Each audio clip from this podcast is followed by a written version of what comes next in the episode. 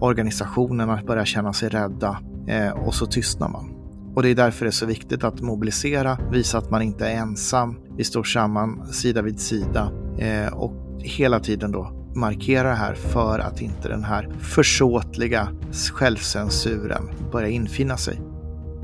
Så säger Patrik Oksanen, senior fellow vid tankesmedjan Frivärd och författare till den nyutkomna rapporten Draken som bytte taktik.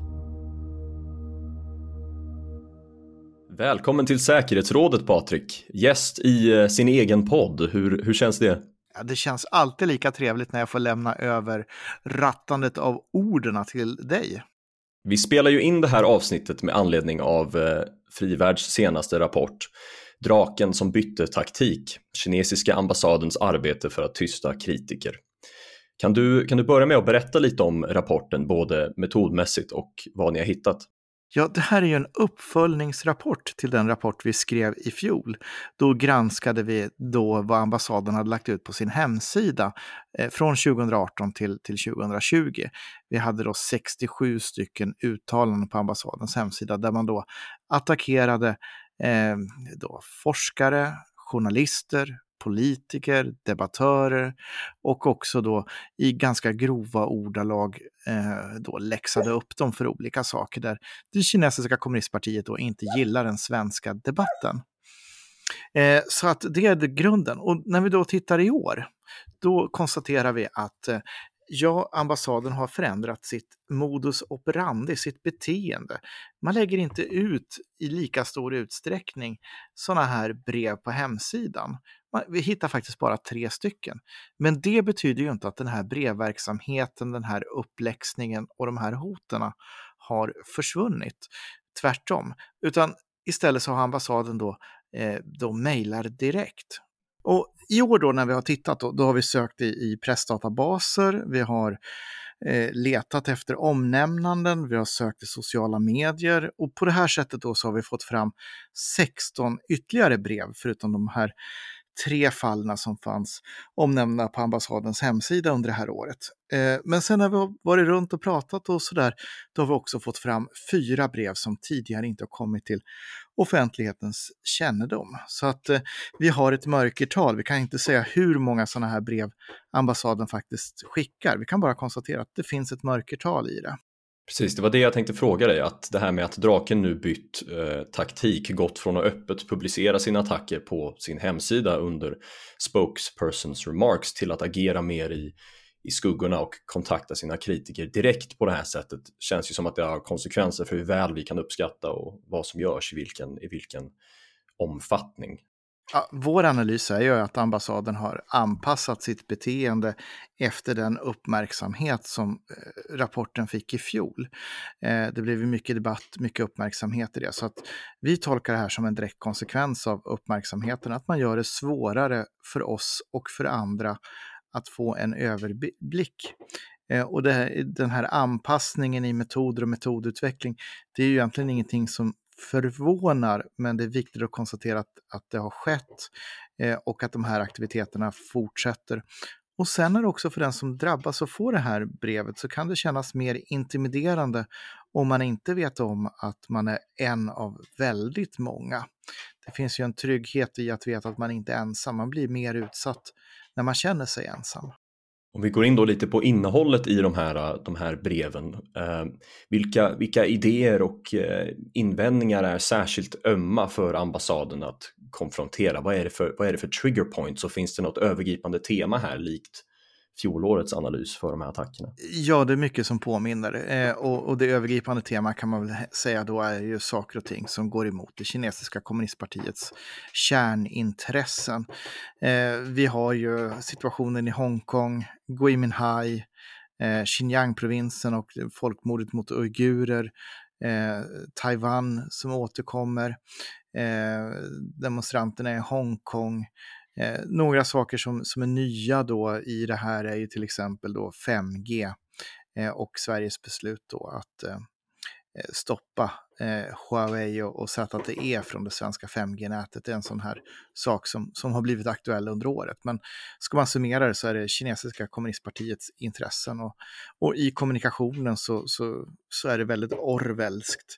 Eh, Kinas kommunistparti säger att man, man eh, står för sann frihet och sann demokrati och yttrandefrihet etc. etc. Men, men orden betyder faktiskt det motsatta. Sen responsen då i Sverige, stå, står Sverige bakom de här individerna när de attackeras? Eh, finns, det en, finns det en en för alla, alla för en mentalitet i Sverige eller, eller kan vi göra mer? Vi kan absolut göra mer. På den positiva eh, sidan så kan vi konstatera då att de här attackerna får ju uppmärksamhet och det, det är särskilt den attacken mot frilansjournalisten Jojje Olsson som driver Kina Media. Eh, han blev ju då eh, ganska grova ordalag attackerad eh, och ambassaden uttryckte sig som alla rimligen måste tolka som ett direkt hot. Eh, och då blev det väldigt starka reaktioner eh, vid det övertrampet. Eh, politiska reaktioner med krav på att ambassadören skulle skickas hem. Utrikesminister Ann Linde var ju och uttalade sig. Eh, så att eh, när det blir tydligt eh, och skarpt så, så finns det en mobilisering. Utmaningen här är ju då att hålla i den här mobiliseringen, hålla i den här markerandet att vi står alla för en, en för alla eh, och, och, verkligen göra det. Och det här är, finns ju en utnötningseffekt, man orkar inte mobilisera varje gång.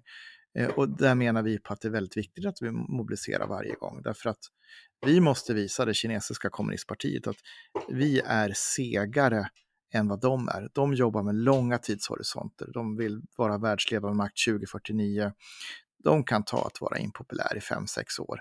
Om det betyder att vi då under den här tiden av att få stryk av det kinesiska kommunistpartiet och börja anpassa oss. De behöver inte vara älskade under tiden. Vi behöver visa dem att den här kalkylen, den går inte hem, den skadar bara dem själva. Eh, så att här behöver vi göra mer som du säger så innehåller ju många av eh, mejlen och breven som har skickats till eh, bland annat då Jojo Olsson och andra svenska opinionsbildare uttryckliga hot i stil med någonting “Cease with what you're doing or face the consequences”. Uh, vilka, vilka är det för konsekvenser och kan den kinesiska ambassaden backa upp de här hoten? Det man ska komma ihåg är att det kinesiska kommunistpartiet har ju då många olika metoder att kunna använda sig av. Eh, auktoritära stater som, som Kina har en helt annan verktygslåda än demokratier. Och då tar man då till exempel, eh, man kan använda sig av, av visumhot. Är man journalist och behöver komma till Kina, ett mediebolag som behöver komma till Kina eller, eller en forskare som behöver ha access till Kina, då är ju visum ett starkt sådant påtryckningsmedel. Eh, vi har ekonomiska påtryckningar. Ehm, vi ser påtryckningar mot näringslivet i, i, i många olika länder, men även i Sverige att det får konsekvenser för era affärer ifall Sverige gör si eller så. Eh, sen har vi då de mer så att säga eh, psykologiska påverkansmetoderna man kan använda sig av stalking, cyberstalking etc. etc. som, som också förekommer. Eh, till liksom det helt eh, mest grövsta vi har sett, det är ju kidnappningen av Gui Minhai och eh, till exempel då fängslandet av de kanadensiska medborgarna eh, Covergan Spaver eh, som en konsekvens då av att Kanada då eh, överväger att utlämna Huaweis finansdirektör till USA, det pågående utlämningsärendet. Så då gjorde Kina en, helt enkelt en, en eh, sån här utpressningssituation. Så att det finns en väldigt stor bredd i påverkansverktygen eh, som då ska ses i kontext till de här brevverksamheterna tänkte att i samma anda att jag kunde läsa upp ett citat från rapporten här och få din, få din reaktion på det. Det, det här är alltså ett, från ett brev Hallandsposten eh, mottog från den kinesiska ambassaden i Stockholm nu i sommaren 2021. Hong Kong, the pearl of the Orient, is part of China and can only shine as part of China. The days when external forces could arbitrarily dictate Hong Kong affairs are gone. The days when they could collude with anti China forces to bring chaos to Hong Kong are gone. The days when they could force us to accept our national sovereignty and security being harmed by sanctions are gone.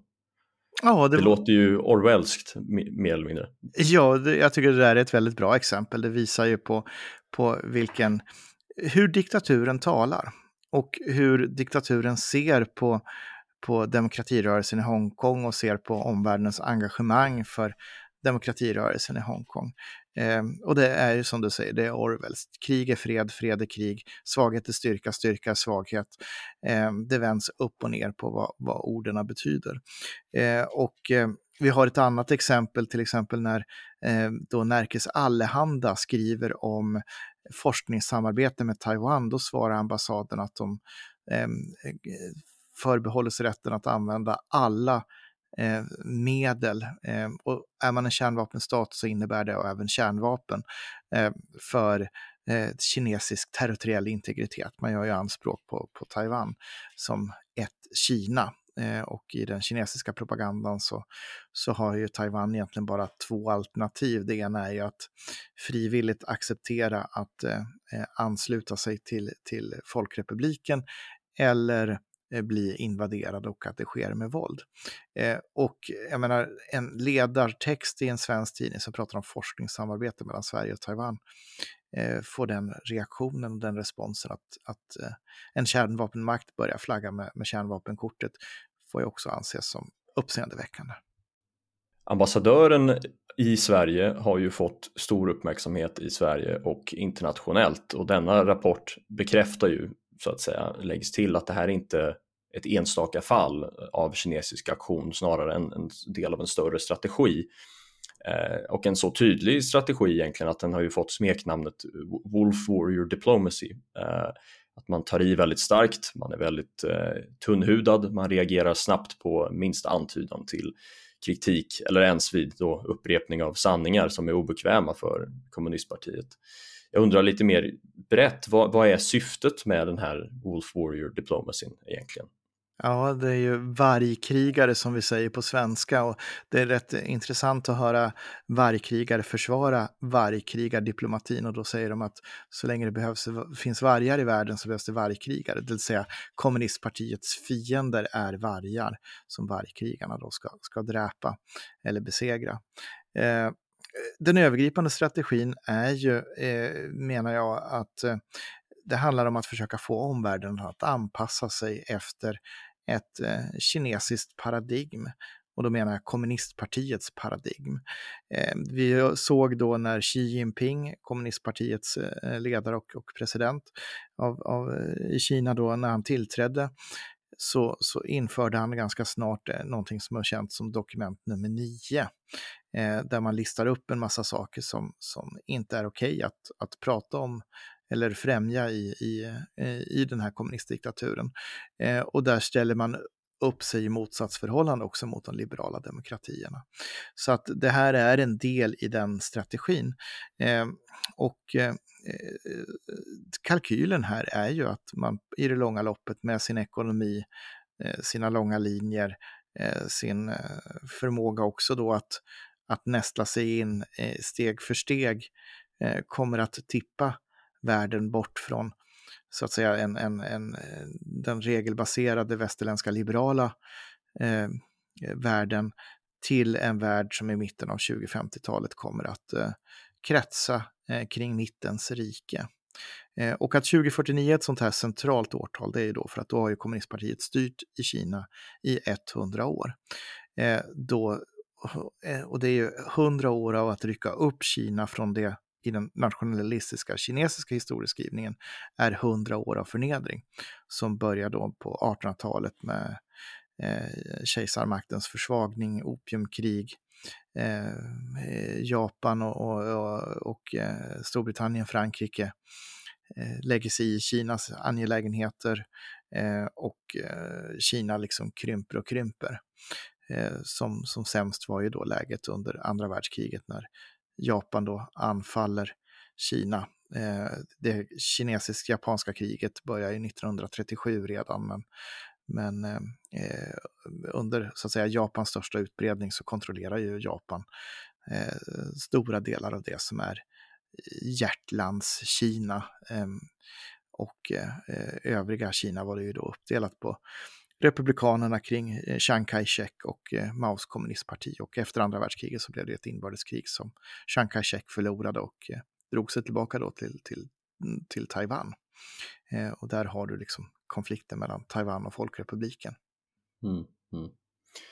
Om vi, nu när vi ändå är i färd här med historiska jämförelser så kan man jämföra med det förra det förra århundradets stora antagonist för eh, den fria världen, alltså Sovjetunionen eh, och jämföra dess liksom, eh, ekonomiska integrering i det större globala systemet. Att Kina är ju på många sätt väldigt, väldigt annorlunda till Sovjetunionen i det att det är, dess utveckling är lite avhängigt på, på, på handel och export och att vara innästlad i det större globala systemet på något sätt som var mer eh, lite annorlunda till Sovjetunionen. Ja, du har absolut en poäng där för att den sovjetiska ekonomin och den, den sammanflätningen av de västerländska ekonomierna och, och östblocksekonomierna eh, var ju inte alls ins, i närheten av en, äh, av en tummetott av det vi, vi ser idag där eh, Kina är en, en central spelare i den globala ekonomin, där de ekonomiska banden är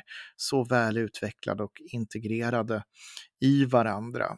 Eh, och det där är ju en följd av att dels då att eh, Deng Xiaoping eh, på 70-talet började bejaka kapitalismen och att man då eh, efter bakslaget vid Himmelska fridens torg från västvärlden då bejakade en, en i tron att, att världen var på väg att bli bättre ändå eh, bejakade Kinas integrering i bland annat Världshandelsorganisationen och så vidare. Och så vidare. Eh, och att de här handelskontakterna då skulle också förändra Kina över tid. Eh, det har vi dock inte sett hända, utan snarare tvärtom. Vi ser nu Kina vara en exportör av antidemokratiska idéer eh, som går emot våra kärnintressen. Eh, och där i ligger så att säga vår felaktiga kalkyl. Men, men det gör ju att vi är ju ekonomiskt beroende av Kina och Kina är ekonomiskt beroende av oss. Så där finns en, en, en sammanflätning. Så att utmaningen idag är ju att hantera hur, hur, hur ska vi kunna ha fortsatta ekonomiska förbindelser utan att trassla till i det här övriga spelet där det är lättare att spela smutsigt än att köra regelbaserat rent som vi gör. Mm. Och det där i relation till det du just sa, det är väldigt intressant, men det här med då sammanflätningen men också Kinas resulterande, eller kommunistpartiets resulterande impopularitet som ett resultat av den här den aggressiva tonen i sina attacker mot kritikerna. Jag tänker särskilt på uteslutandet av Huawei från mängder av västerländska 5G-nätverk. Eh, men som du säger, någonstans måste ju de kinesiska policymakarna anse att den här tunnhudade policyn hjälper dem mer än att skälper dem så att säga. Ja, det är där, där den stora kalkylen är nu. Vem räknar rätt? Eh, är är den, den, den, eh, den reaktion vi ser från flera västerländska länder. Jag vill lyfta fram till exempel Litauen som är verkligen i frontlinjen här. Litauen accepterade eh, och tyckte att det var en bra idé att Taiwan öppnar ett representationskontor. Eh, och till skillnad från representationskontoret i Stockholm så, så, tyckte Litauen att det är väl självklart att det kan få heta eh, eh, då Taiwan. I Stockholm heter det Taipei. Eh, och det här har ju gjort då att Kina slår väldigt hårt just nu mot, mot Litauen, kallat hem sin ambassadör, hotar Litauen i mycket grova ordalag i kommunistpartiets internationella tidning. Eh, och också en uppmaning då att man ska göra upp eh, tillsammans med Ryssland, ska man ge då Litauen och USA en läxa. Och eh, eh Kina har då också hotat eh, Thermo Fisher, eh, som också ett, eh, finns i Sverige, det är ett stort eh, eh, globalt amerikanskt läkemedelsbolag som är den största investeraren i Litauen. De har hotat då Thermo Fisher med eh, minskad access till den kinesiska marknaden ifall inte Litauen viker sig i den här namnfrågan.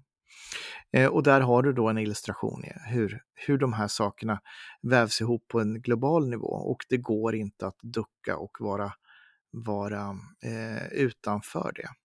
En annan illustration var ju för er som har lyssnat på Jens Stoltenbergs eh, sommartal där han tog upp eh Eh, då, eh, vad som hände med Norge efter att Norge tilldelat Nobelpris som inte Kina gillade och hur Kina hanterade detta eh, och agerade också i personligt möte gentemot Jens Stoltenberg. Eh, också intressant lyssning och ett exempel på, på det här. Vad, vad är de största riskerna för Sverige, kanske, kanske särskilt svenska opinionsbildare och forskare som, som utsätts för det här?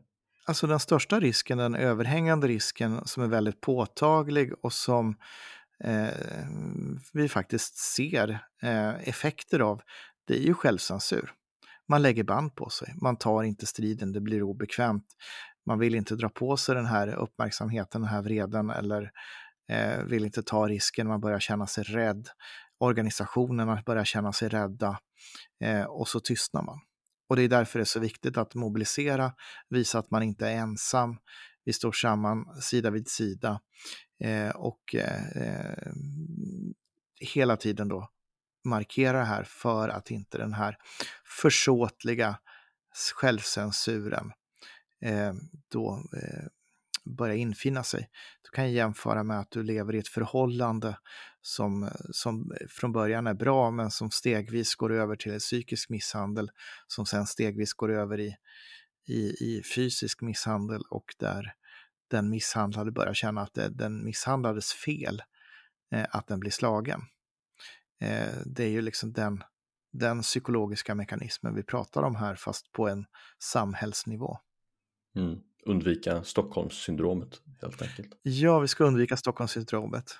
Vad, vad kan vi i den här solidariska andan du efterfrågar, vad, vad, vad, är det vi kan göra för att hjälpa de, de debattörer och forskare och andra samhällsaktiva så att de ensamma, inte ensamma behöver ta fighten i, i skuggorna?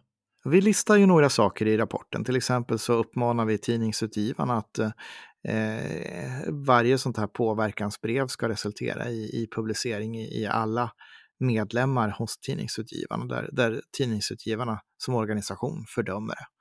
Eh, vi föreslår också att eh, den eh, nya myndigheten för psykologiskt försvar får ett uppdrag att redovisa för den här typen av attacker och påverkan på svensk demokrati. Eh, vi uppmanar att eh, riksdagen ska ha en årlig hearing i det här.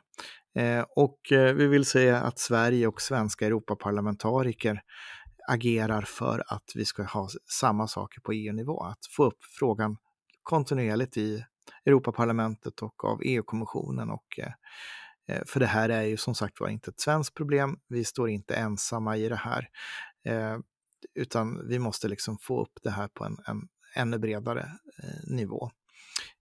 Och det är ju liksom några av de saker vi, vi pekar på. Om du nu skulle få ett, ett brev från den kinesiska ambassaden efter att vi har spelat in den här podden, vad, vad, vad hade du gjort då? Ja, det jag tycker att man ska göra, och det gäller ju oavsett om du får det, om jag får det eller om någon annan får det, det är ju ett, inte tiga om det.